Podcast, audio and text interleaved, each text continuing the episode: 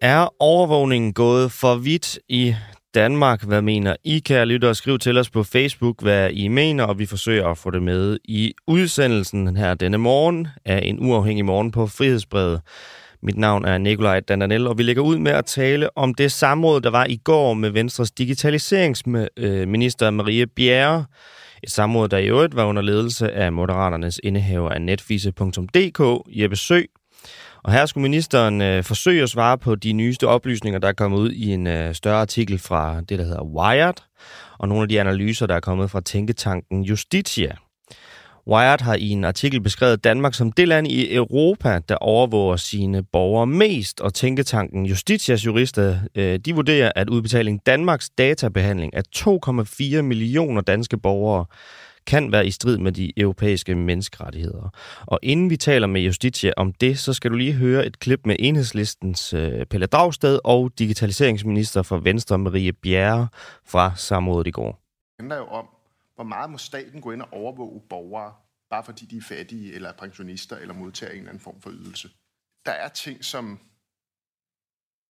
Jeg tror godt, jeg kan definere mig selv som sådan liberal, ikke liberalistisk, men som ud fra et perspektiv om staten og borgerne og retten til privatliv er problematiske. Øh, et eksempel er jo, at man går ind fra myndighedernes side, for eksempel overvåger vores anvendelse af elektricitet og vand. Der er man altså inde i vores hjem øh, i en overvågning af, hvad der foregår inden for vores fire vægge. Altså som om der står nogen og kigger ind af, af, af vinduet og tager gardinet til side. Altså, jeg, jeg, nogle gange er det meget godt, når man, for vi altid tænker, at vi lever i et moderne demokrati, og sammenligne lidt med, hvordan ville man tænke over det, hvis det var et autoritært system, der gjorde det samme. Hvad ville vi have kaldt det, hvis det var Stasi, der overvågede borgerne ved at øh, gå ind og, og, og, og, og, og tage data for deres elforbrug, deres vandforbrug, andre ting, der foregik bag hjemmets fire vægge, for eksempel. Det, det tror jeg, man vil have opfattet som et overgreb øh, på borgerne.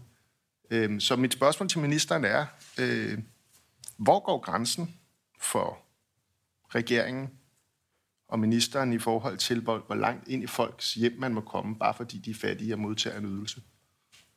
Ja, hvor går grænsen? Øhm, er det berettiget, at man går ind og overvåger på elektricitet? Øh, der synes jeg, det er vigtigt at tage et hensyn til, at vi også skal have tillid til den offentlige sektor, der ikke bliver snydt, øh, når man får udbetalt ydelser. Øh, og derfor kan det godt være berettiget at gå ind og overvåge øh, nogle data, fordi det på den anden side også er enormt vigtigt, at vi har tillid til den offentlige sektor, og at vi også har en effektiv offentlig sektor. Øh, og vi bliver nødt til at sende, et, mener jeg, et meget klart signal om, at vi ikke tolererer snyd øh, med offentlige midler. Øh, Øh, og det med udbetaling af midler, det er jo enormt bredt. Øh, altså det er jo enormt omfangsrigt. Øh, det er jo ikke øh, kun bestemt, altså det er jo, det er jo, det er jo meget omfangsrigt i, i vores øh, samfund, og derfor er øh, den dataindsamling også meget omfangsrig. Øh, hvis jeg skal forsøge at svare på, hvor går grænsen, øh, så må det jo være, det bliver jo lidt mere abstrakt, øh, fordi vi også hele tiden får ny teknologi, øh, og vi kan, vi kan vi kan mere. Øh, det afgørende må være, at den data, vi indsamler, at den er relevant. Hvis ikke den er relevant, så er det jo netop, at vi har et overvågningssamfund. Øh, og at vi så også bruger dataen på en ansvarlig måde. Og jeg ved godt, det bliver sådan lidt, øh, lidt overordnet, men det er jo det er jo de principielle overvejelser, man bliver nødt til at have. Og så øh, Pelle Dragsted nævnte så specifikt elektricitet. Det er, jo en, det er jo meget relevant oplysning at få i forhold til at kontrollere, om man rent faktisk opholder sig der, hvor man siger, man opholder sig. Øh, og derfor mener jeg sådan set, at det er inden for balancen. Det, jeg hæfter mig ved i øh, det her klip, blandt mange interessante ting, det er, at digitaliseringsminister Marie Bjerre udtaler, at overvågning egentlig er i orden, så længe det er relevant. Er relevans et øh, godt kriterium for en stat, der skal øh, beslutte, om de skal overvåge deres borgere eller ej? Begitte Eriksen, direktør i Tænketanken Justitia, og godmorgen. Godmorgen. Øh, ja, det er et godt spørgsmål, og øh, selvfølgelig går man ud fra, at der i hvert fald ikke bliver indhentet irrelevante øh, data. Det vil jo være helt øh, langt ude. Mm. Men problemet med den her udtalelse er, at det jo heller ikke er tilstrækkeligt kriterie. Mm. Det er sådan, at når vi begynder at dataovervåge, jamen, så er det et indgreb i vores ret til privatliv. Ja. Og det er ikke en, en ret, som er ultimativ. Altså man kan faktisk godt gøre indgreb, men der er nogle betingelser, der skal være opfyldt. Mm. Øh, for det første, så skal der så skal formålet være legitimt. Og det her med at bekæmpe snyd og fejl, det er helt legitimt. Der er ikke noget problem der. Der skal være en klar lovhjemmel. Mm. Det synes jeg ikke rigtig helt, der er, når det gælder udbetaling Danmark. Og så kommer det sidste og vigtigste. Det skal være proportionalt og nødvendigt i et øh, demokratisk øh, retssamfund. Nu, nu... Og netop proportionaliteten, det er, jo, det er jo det, der er det største problem, når vi snakker masseovervågning. Så relevans, det er altså ikke nok. Men i forhold til det her med, at en stat skal gå ind og sige, at så længe at det er relevant, altså, så er spørgsmålet også for hvem. For nu nævner, nu kan vi jo bare tage det fra Pelle Dragsteds mund. Han, han spørger jo på et tidspunkt, hvad ville vi egentlig have kaldt den her type overvågning, hvis det var Stasi, der havde udført den. Og jeg er da sikker på, at Stasi dengang også sagtens kunne argumentere for, at det, de overvågede, det var relevant. Så hvad skal man sige, når en stat begynder at, at skulle beslutte, om de skal overvåge eller ej ud fra relevans, øh, så kan vi vel potentielt måske nok ende med at have nogle problemer, eller hvordan ser I på det?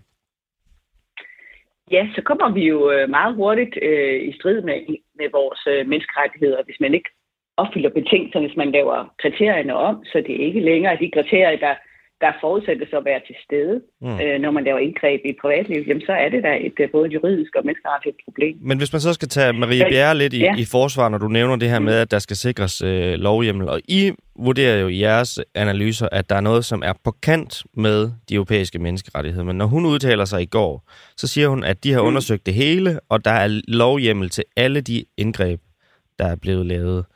Øhm, så hvad er problemet egentlig? Ja, altså der er lovhjemmel til at indhente og, og samkøre data, men det er ikke nogen klar lovhjemmel efter min opfattelse. Øh, det tog mig mange dage at, øh, at simpelthen gå lovgrundlaget igennem for hurtigt at finde ud af, hvad er det, de kan og, og må. Fordi det er meget uklart i lovgivningen. Ja. Og så er det heller ikke skrevet ind i lovgivningen specifikt, hvilke oplysningstyper det drejer sig om. Det vil sige, det er nu faktisk nogle meget, meget brede hjemler. Så det her det er det ene problem. Det andet problem er jo proportionaliteten. Det, jeg tror, der i virkeligheden øh, går lidt galt, når vi ser det fra ministerens og også myndighedernes synspunkt, det er, at der bliver stillet spørgsmålstegn ved, hvad er overvågning overhovedet? Mm. Øh, er det kun overvågning, når man, efter man har masser overvåget og samkørt, at man så har nogle resultater, hvor man så med menneskeøjne begynder at kigge nærmere på sagerne? Det er i hvert fald den argumentation, jeg hører igen og igen. Mm. Men så opfatter jeg det ikke lige så snart du begynder at lave øh, masseovervågning og datasammenkøring, så er overvågningen i gang, også selvom der ikke er menneskeøjne på. Det vil jo faktisk vare til, at du sætter et videokamera op ude på gaden og siger, det her det er ikke overvågning, men mindre øh, at der er en person, der går forbi. Øh, og al den tid, der ikke er nogen, der går forbi, så er det ikke overvågning. Mm. Selvfølgelig er begge dele overvågning, fordi det er adfærdsregulerende. Og hvis vi nu lige skal tage helt det konkrete eksempel, som I har skrevet om, det her med udbetaling, udbetaling Danmarks databehandling af 2,4 millioner danske borgere, at det kan være i strid med de europæiske menneskerettigheder. Præcis, hvordan kan mm. det det? Ja, faktisk er det øh, nogle gange helt op til 2,7 ikke, unikke, ikke unikke øh, ydelsesmodtagere, og så når man trækker liksom, noget af det fra for at få de unikke, så kan vi så ryge ned på 2,4. Det er så de tal, vi har fået i udbetaling Danmark. Jeg har så opdaget i min research, da jeg lavede denne her rapport, at øh, Udbetaling Danmark i en helt anden sammenhæng, nemlig i forbindelse med, at de havde en klagesag i datatilsynet, der har sagt, at de faktisk øh, øh, laver datasamkøring om, om stort set hele befolkningen. Og det skyldes jo, at det ikke kun er ydelsesmodtagerne, man ser på. Man ser også på øh, ægtefælde, samlever, børn, formodet øh, samlever, formodet husstandsmedlemmer. Så det er altså virkelig, virkelig mange mennesker, og stort set hele Danmarks befolkning, hvilket Danmark selv har indrømmet i anden sammenhæng. Og det er jo en meget, meget voldsom øh, datasammenkøring. Og vi så ser på, hvad fører det så til? Jamen, de resultater, jeg fik i min rapport, det var, at øh, der er kun cirka, øh, altså, nu jeg, tror jeg, skal have nogle årstal på, i 17, mm. der mhm. var der 705 sager, øh, som, blev, som førte til en eller anden form for ændring af ydelse, og i øh, 2018, der var vi oppe på de knap 1100 sager. Det er jo ikke særlig mange sager. Og ser vi så på, jamen, hvornår er der så egentlig foregået noget øh, kriminelt, så kan vi sige, på Udbetaling Danmarks område i 2017, der vurderede de selv, at de havde lavet politianmeldelse i cirka 25 sager. Det vil så sige, ja. at for at finde dem, der bevidst snyder, øh, ifølge dem selv, jamen, det er altså, vi, så samkører man oplysninger om hele Danmarks befolkning for at finde 25, man gerne vil politianmelde. Så kan der så også være nogle flere, øh, selvfølgelig nogle flere ting, som kan skyldes fejl, og det er nok derfor, at man finder flere sager, man, øh, man politianmelder. Der kan også være fejl i, øh, i de udbetalinger, som man har lavet, enten på grund af nogle oplysninger fra borgeren, eller oplysninger, eller sagsbehandlingen hos Udbetaling Danmark. Og det er jo så fejl, man kan bekæmpe på anden måde. Det kræver ikke masser af overvågning. Og hvad i de europæiske menneskerettigheder er det præcis, at det kan være i strid med? Det kan være i strid med øh, retten til privatliv og beskyttelse af, af data. Men når, når, I, når I udtaler jer, så, så siger jeg, at det her det er, det er på kant med. Og det er jo lidt et luftigt ja, begreb, som jo, hvad skal man sige, ja. det giver jo mange, ja. mange friheder, når man, øh, når man udtaler sig. Altså bryder Danmark de europæiske menneskerettigheder, eller gør de ikke? Det er en opgave, som jeg tænker, at det er øh, en EU-domstol i virkeligheden, der skal tage stilling til det. Det er jo helt umuligt for mig at lave en eksakt vurdering. Det, jeg skriver i analysen, og som jeg stadig står 100% indenfor, det er, at jeg siger, der er virkelig meget, der taler for, at det her kan blive anset for at være i strid øh, med menneskerettighederne. Mm. Men det er ikke mig, der kan dømme det, og, det, og der er ikke praksis nok på det område til, at jeg kan forudse, hvordan en, sådan en, en øh, afgørelse vil falde ud.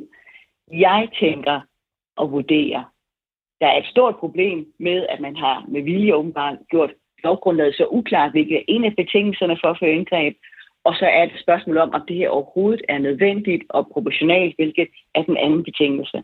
Mm. Så vidt jeg kan se, så er det kun betingelsen om, at formålet skal være legitimt, som vi kan sige med, med, med sikkerhed, at den her betingelse er trods alt opfyldt, for det er altid legitimt at lave kontrol. Vi har en øh, lytter, som øh, har hæftet sig ved Marie Bjerres øh, udtalelser fra samrådet. Han skriver, han hedder Steffen Mærsk, han skriver, vi bliver nødt til at overvåge dig, fordi vi skal kunne have tillid til dig i forhold til begrundelsen for, hvorfor der skal overvåges øh, vand og el i private husstande, for at se, om, øh, om de mennesker, som har, øh, hvad skal man sige, har fortalt, at det er her, de bor, at de nu også opholder sig. Så her, altså hele det her med at overvåge sådan, at der kan komme øh, tillid. Øh, han skriver kafkask. Er du enig i det? Ja, altså øh, tillidsdagsordenen, den er altid god at hive frem, ikke? Det bliver den også til politikere. Mm. Her er spørgsmålet, om vi kan have tillid til myndighederne, øh, når de overvåger os i den grad. Mm. Når det er sagt, så vil jeg også sige, som skatteborger, det er vi jo alle sammen i Danmark, jamen så har vi da også øh, behov for at vide, at vores penge de går til, til de rigtige ting. Og når vi har et velfærdssamfund som det danske, som jeg har forstået er en af de lande, der udtaler aller, aller flest øh, velfærdsydelser i forhold til vores bruttonationale produkt, mm. jamen så skal der være kontrol. Altså, vi, vi, den her diskussion handler ikke om, at der skal være kontrol med, hvilke ydelser man udtaler. Selvfølgelig skal der være det. Spørgsmålet er, hvordan vi gør det. Og her er det, jeg kritiserer, at man koncentrerer sin kontrol omkring den her bagudrettede, øh, øh, som, som så her sker i form af massesamkøring, var det rigtigt, at vi gav dig de penge dengang? Har dine forhold ændret sig på en måde, så det ikke længere er rigtigt, og har du løjet om det? I stedet for at finde kontrollen om, og så sige, vi skal gøre os mere umage, og vi tager stilling til, om der skal udbetales ydelser. Mm. Og når der så sker store ændringer i borgerens liv, det kan for eksempel være, at man bliver skilt eller et eller andet, så skal vi ind og revurdere ydelsen. Øh, skal den ændres eller lignende? Mm. Men det her med at, at sige, det er bagudrettet massesamkøring, øh, som er vores øh, kontrolbegreb. Mm. Det synes jeg er helt unødvendigt og uforståeligt, at det er den strategi, man har hørt. Birgitte Eriksen, direktør i Tænketanken Justitia. Tak fordi du var med her til morgen. Det var en fornøjelse. Fortsat god dag.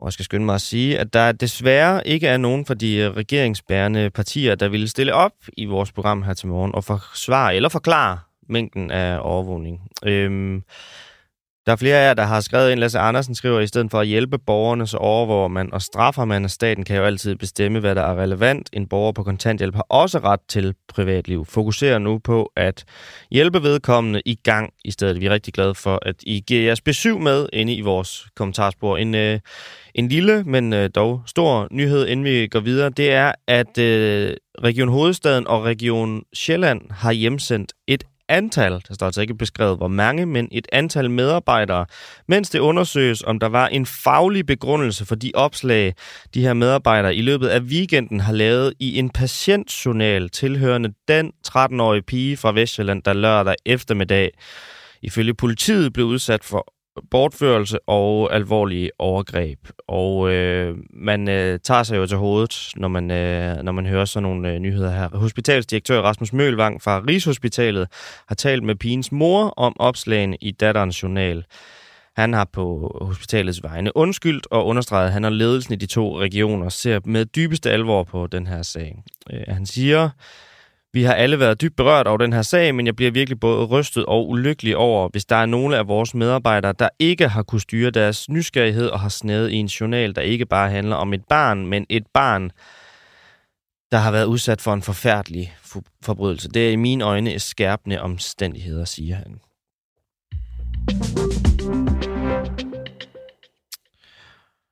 Og hvad er spøgelsesskibe, og hvordan opererer de? Øhm, et russisk militærprogram har øh, ifølge efterretningstjenester og eksperter øh, lige netop nu været i gang med at kortlægge havvindmølleparker, gasrørsledninger, strøm- og internetkabler i farvandene omkring Danmark, Norge, Finland og Sverige.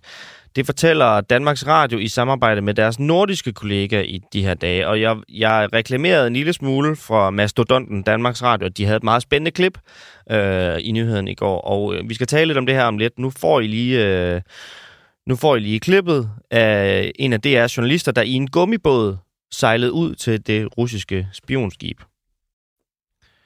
Nå, der er lidt udfordringer med at afspille det her klip, men jeg kan fortælle det der, jeg fortalte også lidt om det i går, og det der sker på, øh, på klippet, det er, at en af journalisterne kommer derud, og så opdager de ligesom øh, på det her store russiske spionskib, at der er en mand med et gevær, som ser på det billede, der er taget, at han ser meget, meget uhyggelig. ud. nu ved jeg ikke, om alle jer, der lytter med, er til Batman. Det skal jo ikke være for, for alle, men han ligner rigtig meget skurken fra øh, The Dark Knight Rises fra Christopher Nolan, der hedder Bane, og står og ser meget, meget uhyggelig ud i forhold til, at han skulle opholde sig på et øh, forskningsskib.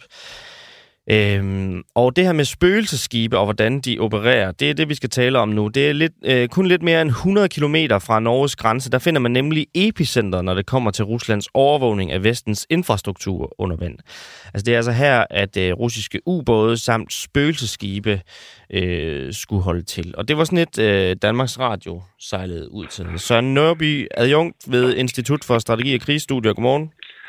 Godmorgen. Altså helt præcist, hvad vil det så sige, at et skib er et spøgelseskib?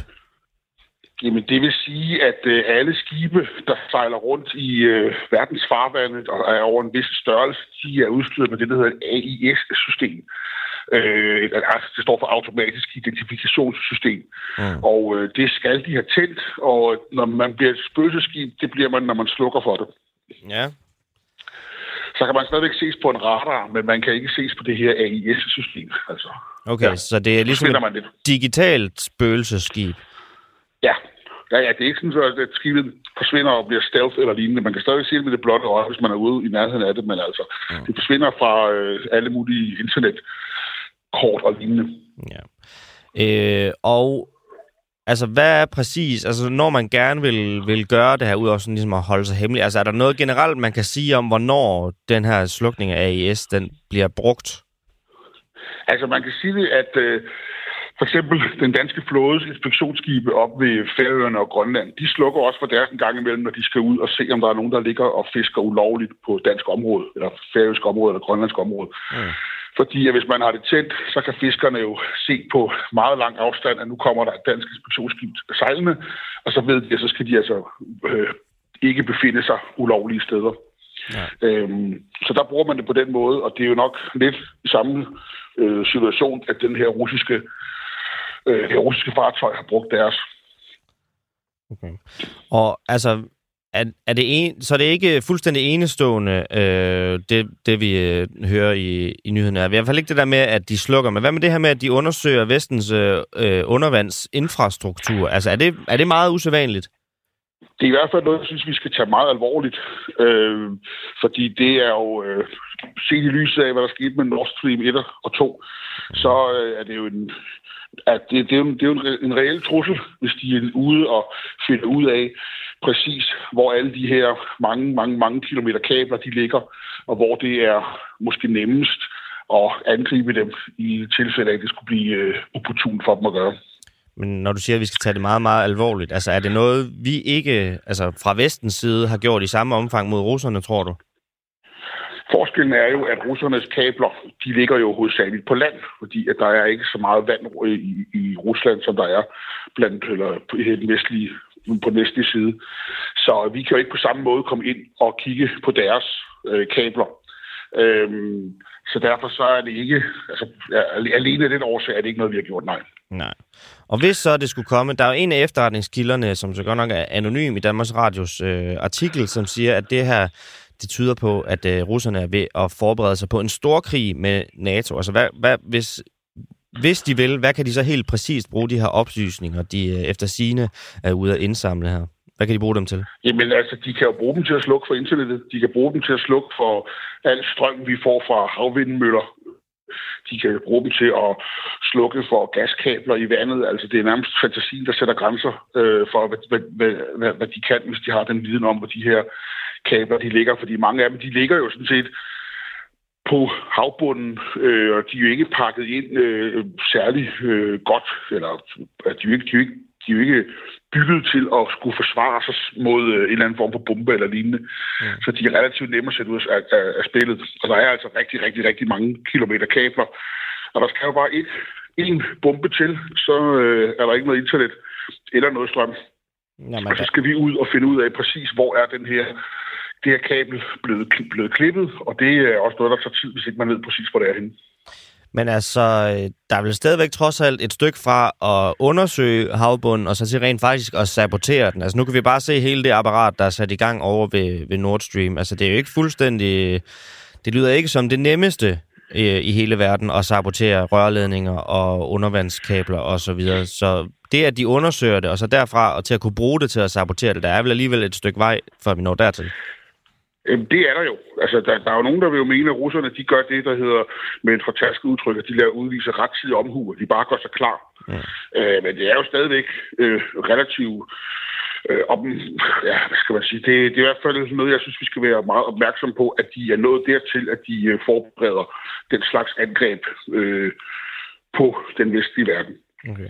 Ser du det, altså nu er den her centrale, men anonyme efterretningskilde, der siger til Danmarks Radio, at det er et led i en russisk forberedelse på en stor krig med NATO. Læser du de her nyheder på samme måde? Ja, altså jeg læser ikke, at, de, at, at krigen nødvendigvis kommer, men jeg læser, at hvis, hvis den kommer, så er det her også et område, hvor de vil være meget aktive og sørge for, at vores internet, vores strøm, vores gas, vores lignende, dem bliver øh, problematisk at få frem til forbrugerne. Søren Nørby, øh, adjunkt ved Institut for Strategi og Krigsstudier med fokus på blandt andet maritime operationer og søkrig. Tusind tak, fordi du havde tid og lyst til at være med her til morgen. Var så lidt. God dag. Og så skal vi lige have en opdatering på noget, vi tidligere har talt om. Det er den tidligere debatredaktør på Politikken og nuværende kandidataspirant for det regeringsbærende Socialdemokrati, Magnus Barsø.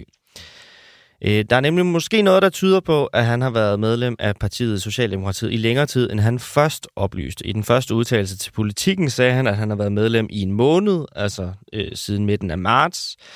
Men han var med her hos os, og der medvildede han jo i at fremlægge bekræftelsen på sin indmeldelse for at bevise, at det nu også er rigtigt, at der ikke har siddet en hemmelig socialdemokrat og sorteret i politikens bander.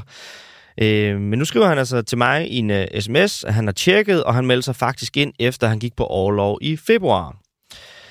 Øh, han sagde jo, da han var med, at han ville vise sin uh, bekræftelse. Men det vil han nu ikke uh, alligevel. Han er, han er holdt op med at spare. Jeg har, jeg har spurgt ham hver dag uh, på ligesom at leve op til det, han uh, har fortalt, men kommunikationen er overgået til at være envejskommunikation. Og det er jo en lille smule interessant, fordi at Magnus Barsø deltog faktisk i debatten på Danmarks Radio, altså på DR2, den 16. marts, hvor han optrådte som debatredaktør på Politikken.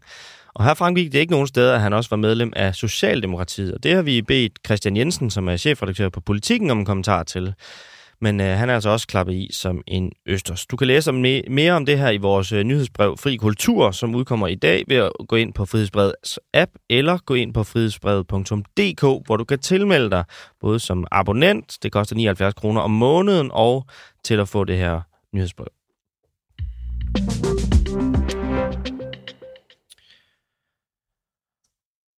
Og så er der øh, noget andet, som jeg tror, at de fleste af jer også vil synes er interessant. Det er nemlig noget, der er foregået i øh, Aarhus og i Nordsjælland i går. Det er National Enhed for Særlig Kriminalitet, som i går var til stede ved en energivirksomhed i Aarhus, hvor de anholdt otte personer, som er sigtet for markedsmanipulation på elmarkedet af alle steder. Og øh, det er politiets formodning, at selskabet har skaffet sig ulovlig profit for et 60 millionbeløb. Og øh, nu venter vi altså spændt på, hvad der skal ske i dag, fordi at politiet forventer nemlig, at de anholdte fremstilles i grundlovsforhør her til formiddag ved retten i Aarhus.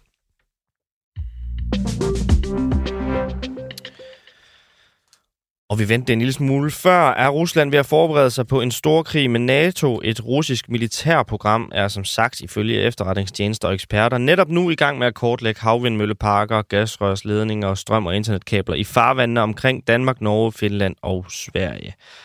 Øhm, og det, jeg hæftede mig ved, som jeg også lige spurgte Søren Nørby til lige før, det er den her centrale, men anonyme efterretningskilde, som siger til Danmarks Radio, at det er et led i en russisk forberedelse på en stor krig, med NATO, Jakob Korsbo, senioranalytiker ved Tænketanken Europa og tidligere chefanalytiker i Forsvarets efterretningstjeneste.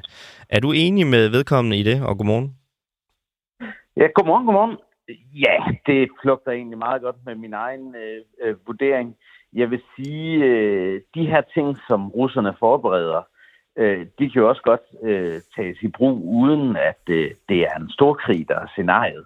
Mm. Øh, altså, det er jo ikke øh, andet end øh, ni måneder siden, øh, godt og vel, at, øh, at øh, Nord Stream-ledningerne øh, øh de røg, øh, røg til himmels. Og, øh, og det, det kan man sige, det, det, der kan også være andre scenarier, hvor, hvor det kan være en fordel at kunne, at kunne gøre sådan noget for at, at skræmme os, øh, os alle sammen og, og udvide den her hybridkrig. Øh, øh. Så, så det er ikke kun en stor krig, der er scenariet i mine øjne. Men altså, ikke nødvendigvis en stor krig, men altså, hvis russerne gør brug af de her undersøgelser, og altså, simpelthen direkte saboterer øh, nogle af de her ledninger, der vil det så ikke være en krigshandling? Jo, det kommer jo an på, hvordan man gør det, og hvor det bliver gjort henne. Øh, vi skal jo huske på, at øh, øh Nord Stream-ledningerne øh, blev ikke Øh, sprængt i luften i dansk territorialfarvand. Og som jeg har sagt hele tiden, det er ikke en tilfældighed, at det er lige udenfor, fordi det sender også et signal. Og hvis man kan ramme, hvis man kan ramme øh, et samfund som det danske øh, på den her måde, og, og gøre det i internationalt øh, øh farvand, og, og, og uden at, at det er hvad kan man sige, der kan findes nogle tydelige beviser. Mm. Altså, så har man jo hele tiden den her tvivl, ikke? Øh, og øh, så har vi jo i Vesten en masse konspirationsteorier om, at det kan være alle mulige andre og så videre. Mm. Det har vi også debatteret på det her program mange gange. Det har vi. At, at, at, at, altså, ja, sådan er det. Og det Men det mener, at, det, at, at selve handlingen, fordi jeg er godt med på, at hvis der ikke er beviser for noget, så finder vi jo aldrig ud af, hvem der har begået en potentiel krigshandling. Men bare fordi noget sker i international farvand, hvis det har konsekvenser alvorlige konsekvenser, som det for eksempel vil være at slukke for internettet og for strømmen fra store havvindmølleparker, som Søren Nørby også nævnte lige før. Altså så, altså hvis man kan bevise det så, så er det vel en krigshandling? Ja, altså, nu, nu, nu skal man næsten spørge en, en, en, okay. en, øh, en, hmm. en øh, jurist øh, yeah. øh, om det. Øh, fordi der, der, der, altså, russerne fisker jo hele tiden efter hvad kan man sige, øh, øh, den her, de her gråzoner. Mm. Og, øh, og mit bud er, at det er sådan en gråzone, hvor, hvor det kommer ind på, jamen, hvad vil, hvad vil responsen være? Øh, og, øh, og, og hvis det bliver begået i international farvand, og, og det ikke er, af, hvad kan man sige, sådan en, en, en dir, et direkte angreb med noget, der er tvivl om og sådan noget, mm. så vil de jo sådan gå efter og, og pirke til øh, usikkerheden øh, okay. blandt de politikere, der i givet fald skal, skal analysere det og, og, og komme med et, et, et modsvar. Og øh, der, der kigger russerne jo også meget på, at øh, at øh, NATO-landene jo hele tiden siger, at vi vil ikke i krig med Rusland. og det vil vi da heller ikke. Nej. men, øh, men, men, men altså samtidig, så, så øh, for russerne er det jo vigtigt at, at undgå, at vi sender endnu flere våben til, til Ukraine. Og det er også derfor, de, de, de foretager sig de her ting for ligesom at, at skræmme os øh, og, og, og få os til at, at trække, trække snuden tilbage. Øh, og, og det er måden, de, de spiller spillet på. Så lad os bruge dig som, øh, som det, du jo er, nemlig tidligere efterretningsmand. Altså, øh, kommer det som meget stor overraskelse for dig, at øh, russerne laver en aktion som den her, hvor de øh, undersøger havbunden lige ud for vores kyster stort set? Ingenlunde. Ingenlunde. Æh, altså, nu, nu kan man sige, at i den her uge, meget markant i tirsdags, kom det jo også frem, at uh, forsvaret ligger inde med 100, var det 112 billeder yes. af russiske fartøjer ved, uh, ved, ved, ved Nord Stream. Og, uh, og vi ved jo, hvad der er foregået i Norge også uh, med de her droneoverflyvninger af, af, af norske uh, platforme. Mm. Øh, og øh, og de, de er super aktive, og man har set det her skib, øh, øh, Vladimirski øh, øh, sejle rundt i, øh, i, de her farvand. I kan måske også huske, der var et tidspunkt, øh, det var i efteråret, det har nok været i oktober måned, ikke? Mm. hvor der lå øh, nogle russiske fartøjer op ved, øh, ved nord for Læsø, op ved mit sommerhus. Øh, så det, jamen altså, det, de, det, det, det gør de, og de agerer, og øh, så kan man sige, hvad, hvad gør de under havets overflade? Det ved de dybest set ikke. Så er det, vi, som du også nævnte, så har vi jo talt med, det her, med dig om det her flere gange, og med andre kilder om det her flere gange. Øh, kan de have sprunget Nord Stream på, på den her måde? Ja, det kan de. Og hvad, de. hvad i øh. de oplysninger, der er kommet frem nu her, altså peger ligesom i den retning? Altså, det der jo ikke er offentliggjort noget om, det var, hvilke fartøjer der var.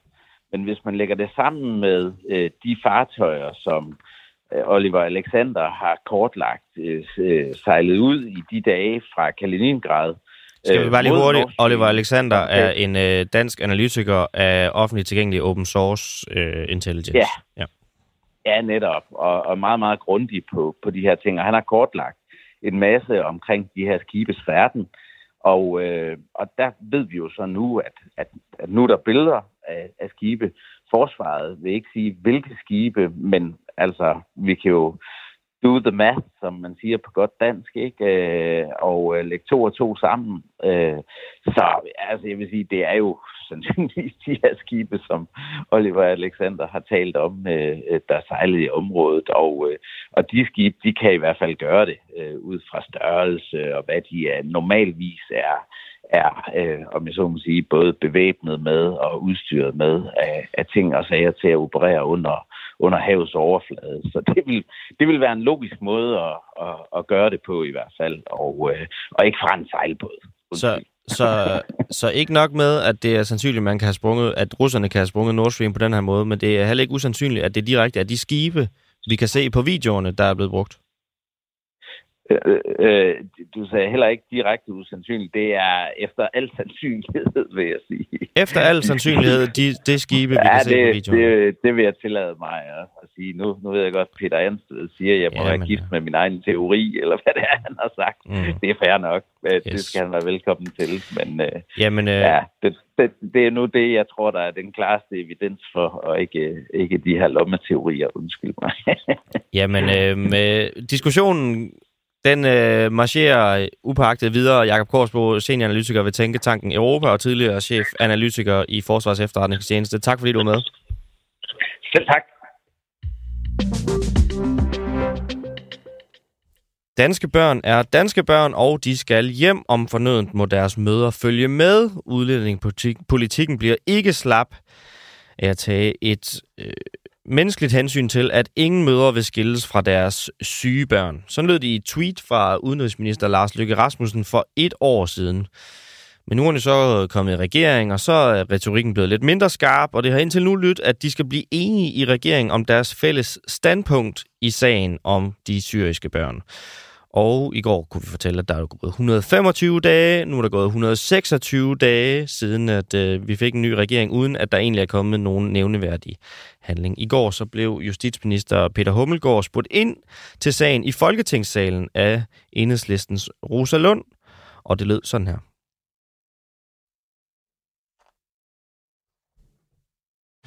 Spørgeren får et, et afsluttende spørgsmål. Så vil jeg bare gerne bruge mit sidste spørgsmål på at spørge om, hvornår regeringen så har tænkt sig at tage stilling til, hvad der skal ske med de sidste børn. Jeg vil gerne minde justitsministeren om, at de her børn ikke har ret lang tid. Jeg tror desværre, at det er et spørgsmål om tid, før et af de her børn mister livet. Så jeg vil gerne vide, hvornår regeringen tager en beslutning om det her. Ministeren får en afsluttende bemærkning. Jamen, regeringen er, er sådan set ikke i tvivl om, hvad stillingen er, for så vidt angår børnene. Regeringen har til gengæld sagt, at de kvinder, som har fået frataget deres danske statsborgerskab, i udgangspunktet, i udgangspunktet har vendt Danmark ryggen, og derfor ikke har været tilbudt evakuering. Så er det klart, som spørgeren selv indleder spørgsmålet med, så er der en højesteretsdom, der skal tages en mente, og vi har selvfølgelig også hele tiden et øje på, i lyset af også regeringsgrundlaget, hvordan kan vi gøre det så øh, hvordan kan vi hjælpe de her børn på den bedst tænkelige måde. Men i udgangspunktet, så vil vi gerne hjælpe børnene. Indtil videre har det bare ikke været muligt, blandt andet på grund af mødernes manglende samtykke. Ja, altså justitsminister Peter Hummelgaard, han holder, altså, holder altså i hvert fald til dels fast i den politik, som den socialdemokratiske regering øh, også selv førte om at tilbyde at hente børnene hjem uden deres mødre. Og det har indtil nu i hvert fald vist sig at være praktisk talt fuldstændig umuligt.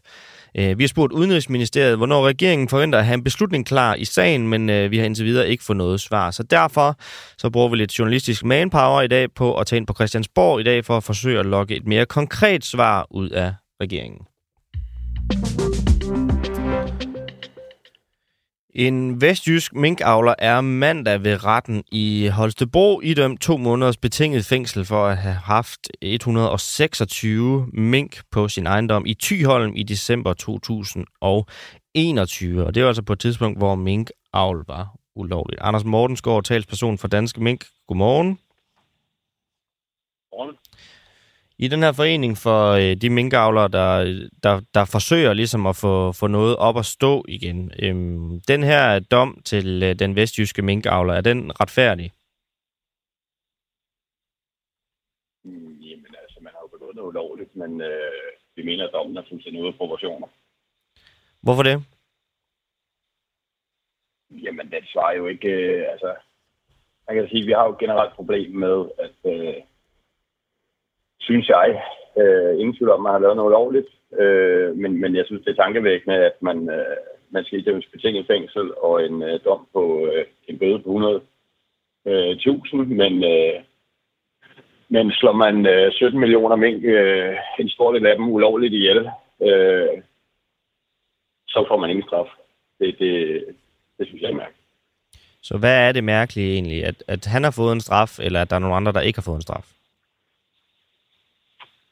mest af nogle andre, der ikke har fået en straf. Okay, så selve hans dom, den er så... Men du siger bare, at den var uretfærdig, men den er måske retfærdig. Det er bare uretfærdigt, der er en anden, der ikke har fået en dom. Mm, ja, men det er retfærdigt, at man får en dom, fordi man gør noget ulovligt. Øh, så skal man så ind og vurdere, om den øh, stemmer overens med, hvad det er, han har gjort ulovligt. Øh, på daværende tidspunkt havde man allerede en, en ret stor viden om, at mængden nok ikke var så farlige, øh, og risikovurderingen.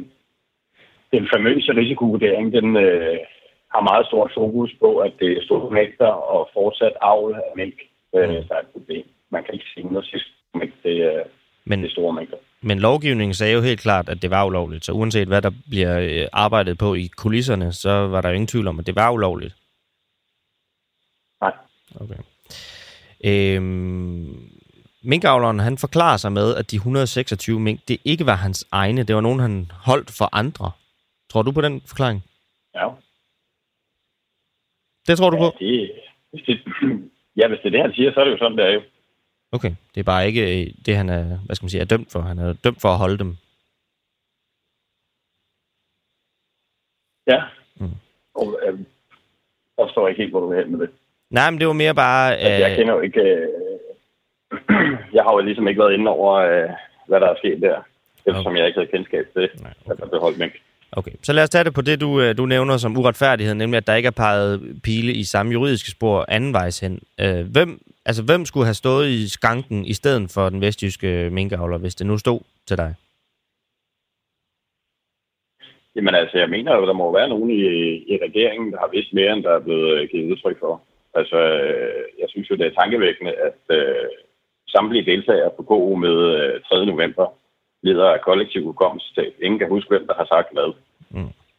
Øh, og der er slettet sms'er og ting og sager. Øh, jeg siger ikke, det er statsministeren, men der må være andre end Mogens Jensen, der har været vidne om det her. Øh, det er en af Danmarks historiens største politiske skandaler, som koster samfundet 20 milliarder plus. Øh, det, det, det er mig fuldstændig ubegribeligt. Og nu begynder man at trække advarsler tilbage til højre og venstre. Øh, så vi ender med nul konsekvens. Mogens Jensen er fortsat næstformand i øh, Socialdemokratiet, øh, og har egentlig ikke fået nogen straf ud over at have mistet sin ministerpost. Mm. Men det er vel også en, øh, en vis, at må trække sig som minister, det er vel også en vis øh, konsekvens? Jo, det kan man da sige, men altså, helt ærligt. Der er forskel på det at få, øh, for at holde 126 mængd, øh, så får du en betinget fængselsstraf og en bøde på 120 Øh, jeg synes, tingene er fuldstændig ud af proportioner. Jamen, uh, Anders Mortensgaard, talsperson for Danske Mængde. Tusind tak, fordi at du var med til at fortælle det. Selv tak.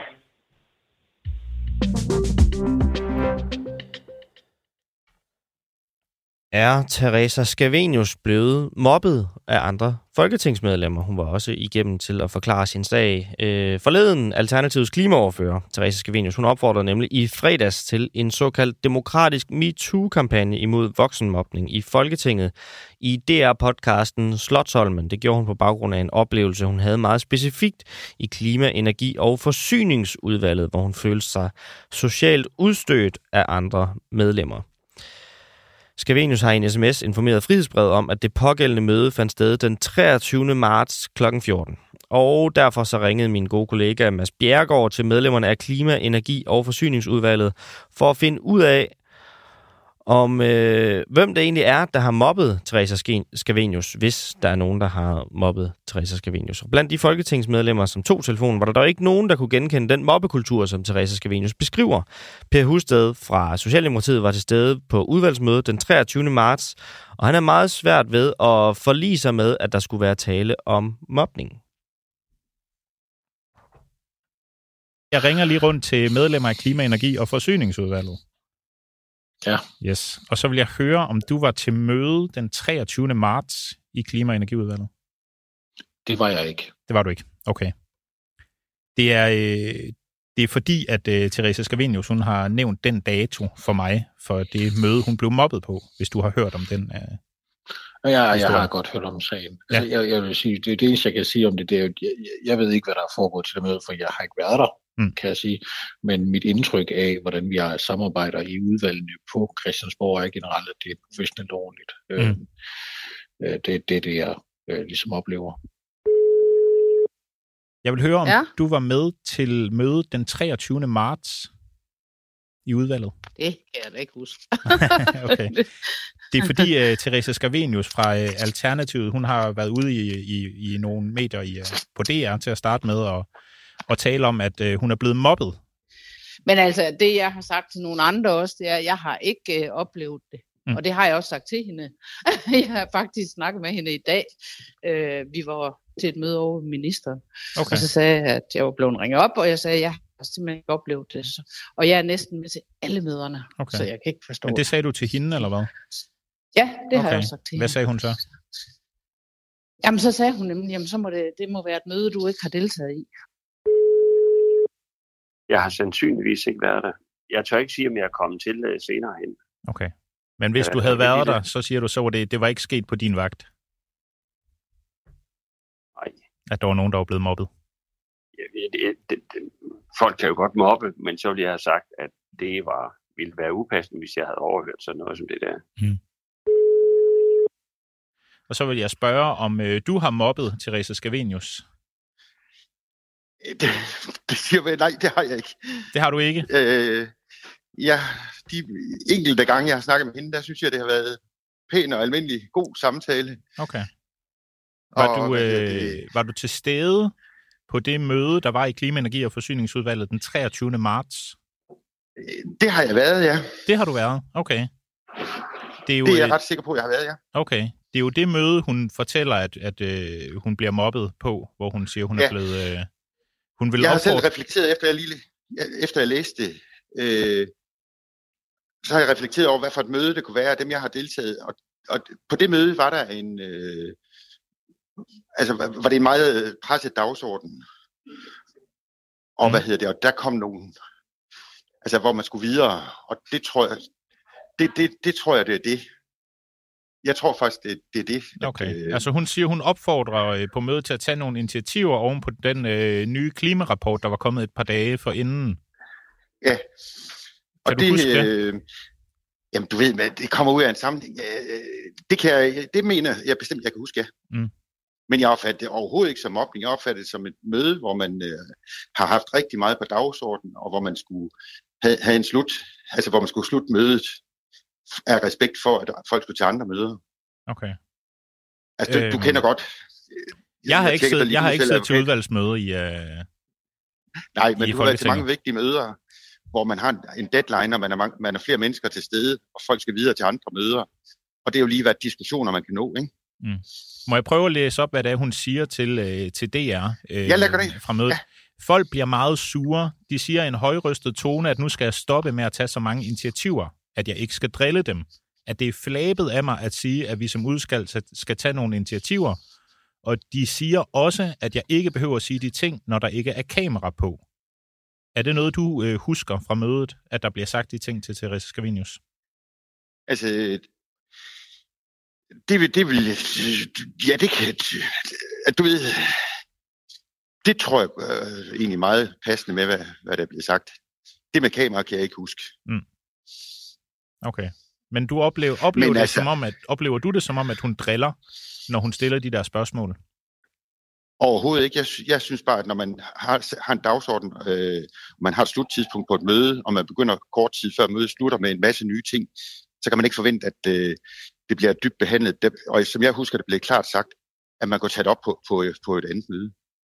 Okay. Altså, fordi man, man havde et, man skal slutte på et tidspunkt, fordi folk skal til andre møder. Mm.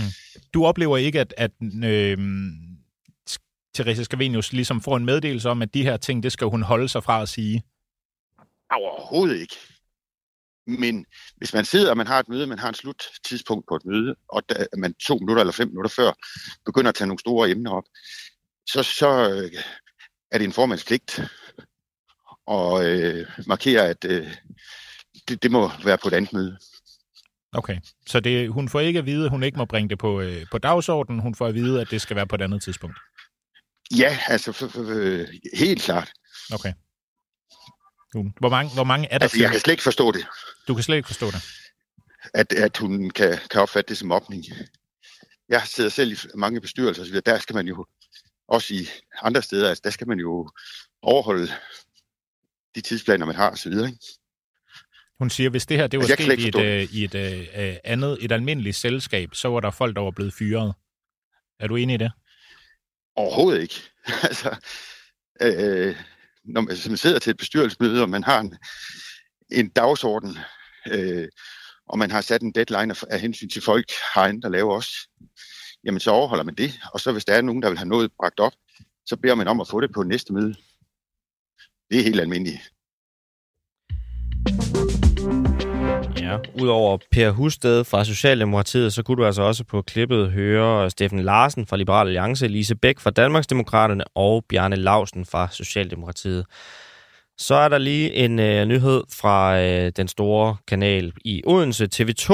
Det er nemlig, at TV2's ledelse muligvis har overvåget et strengt fortroligt møde blandt deres strejkende medarbejdere.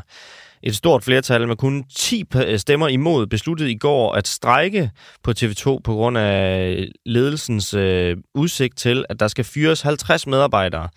Og øh, derudover så skrev øh, Ekstrabladet og Fagbladet Journalisten så i går, at medarbejderne har haft et fagligt møde, som skulle have været strengt fortroligt. Og nu bliver det meget, meget mystisk, fordi på grund af en teknisk fejl, så har ledelsen simpelthen kunne følge med i det møde.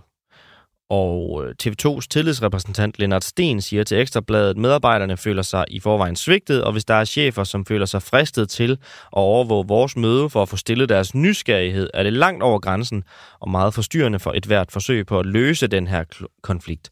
De må simpelthen besinde sig. Og nyhedsdirektør Ulla Pors på TV2, hun svarer Ekstrabladet på skrift, vi respekterer altid et fagligt møde, vi selv har givet tilladelse til, det er en meget beklagelig teknisk fejl, som kommer på et kritisk tidspunkt. Det er jeg godt nok ked af. Tillid er alt afgørende, lyder det i en skriftlig udtalelse fra Ulla Pors, som er nyhedsdirektør på TV2, og netop har haft adgang til et fortroligt møde blandt sine strækkende medarbejdere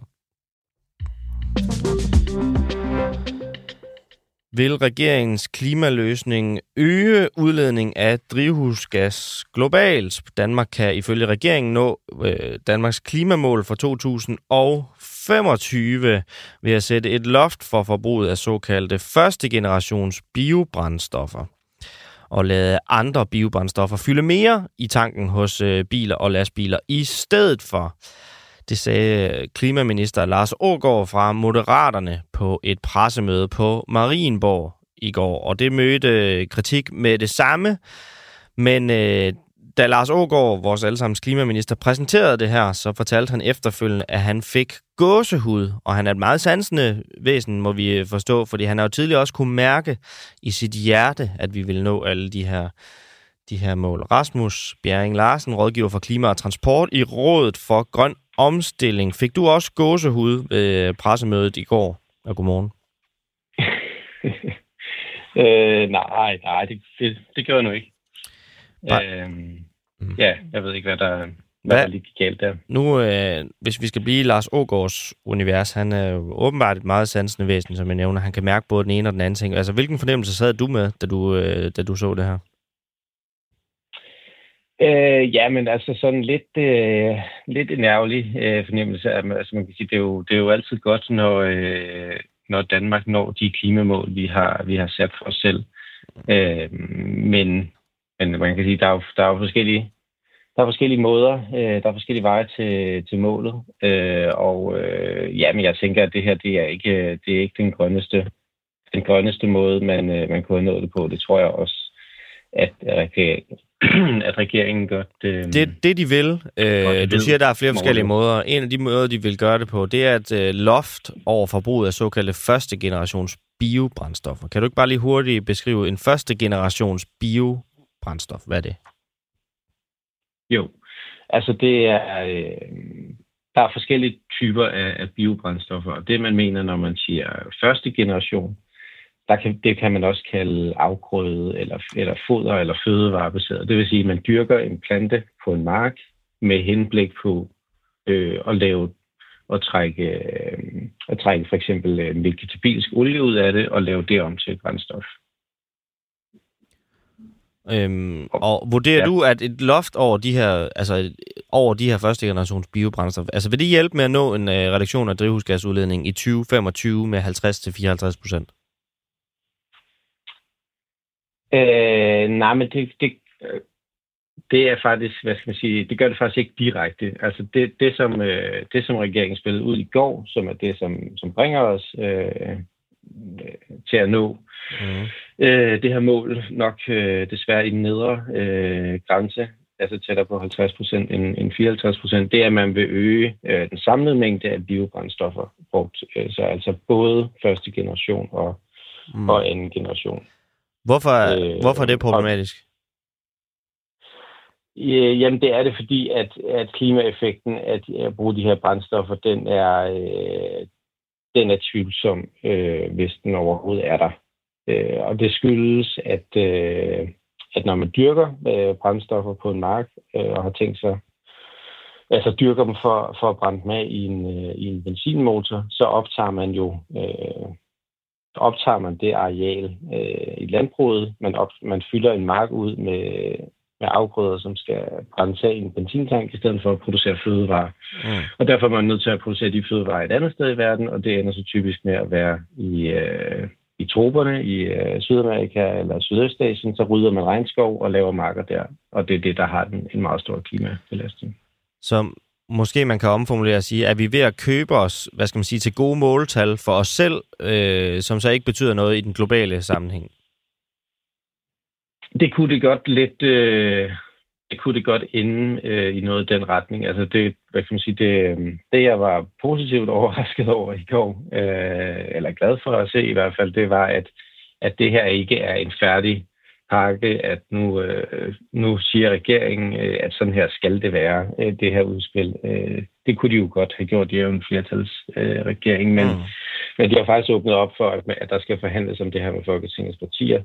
Øh, og derfor, øh, hvad skal man sige, så bliver der ligesom også en, øh, en anden halvleg på det, hvor vi så håber, at man kan, at man kan gøre det på en lidt klogere måde. Så mit første øh, oplægsspørgsmål. Altså, er der simpelthen en chance for, at regeringens klimaløsning for at nå vores altså 2025-mål her, det direkte kan øge de globale udledninger af drivhusgas?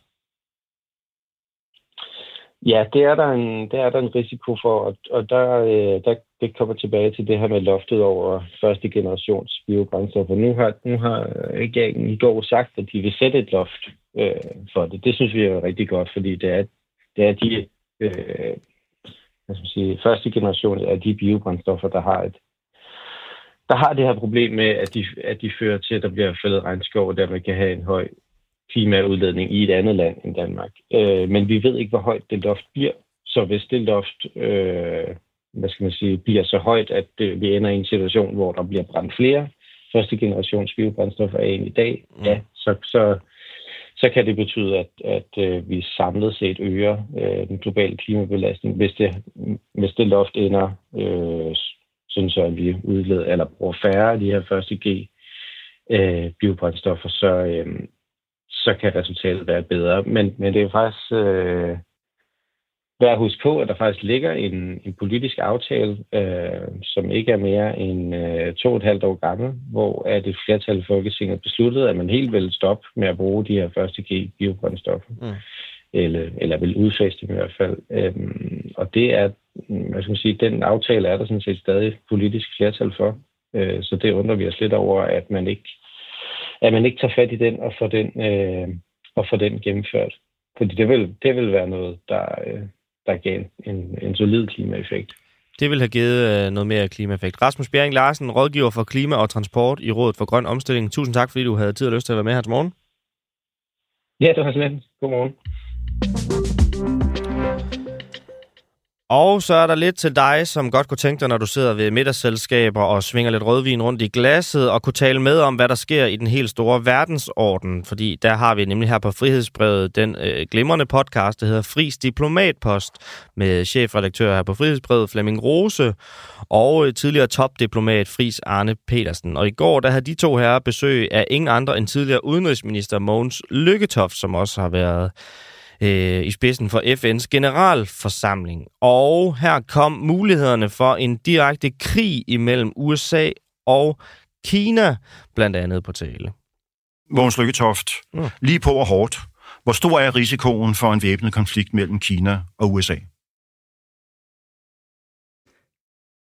Det kan jeg ikke svare på. Jeg kan sige, at den, den, den bliver større hver gang, der er en øh, formand for repræsentanternes hus, der synes, det er en vigtig del af deres valgkamp at mødes med Taiwans præsident.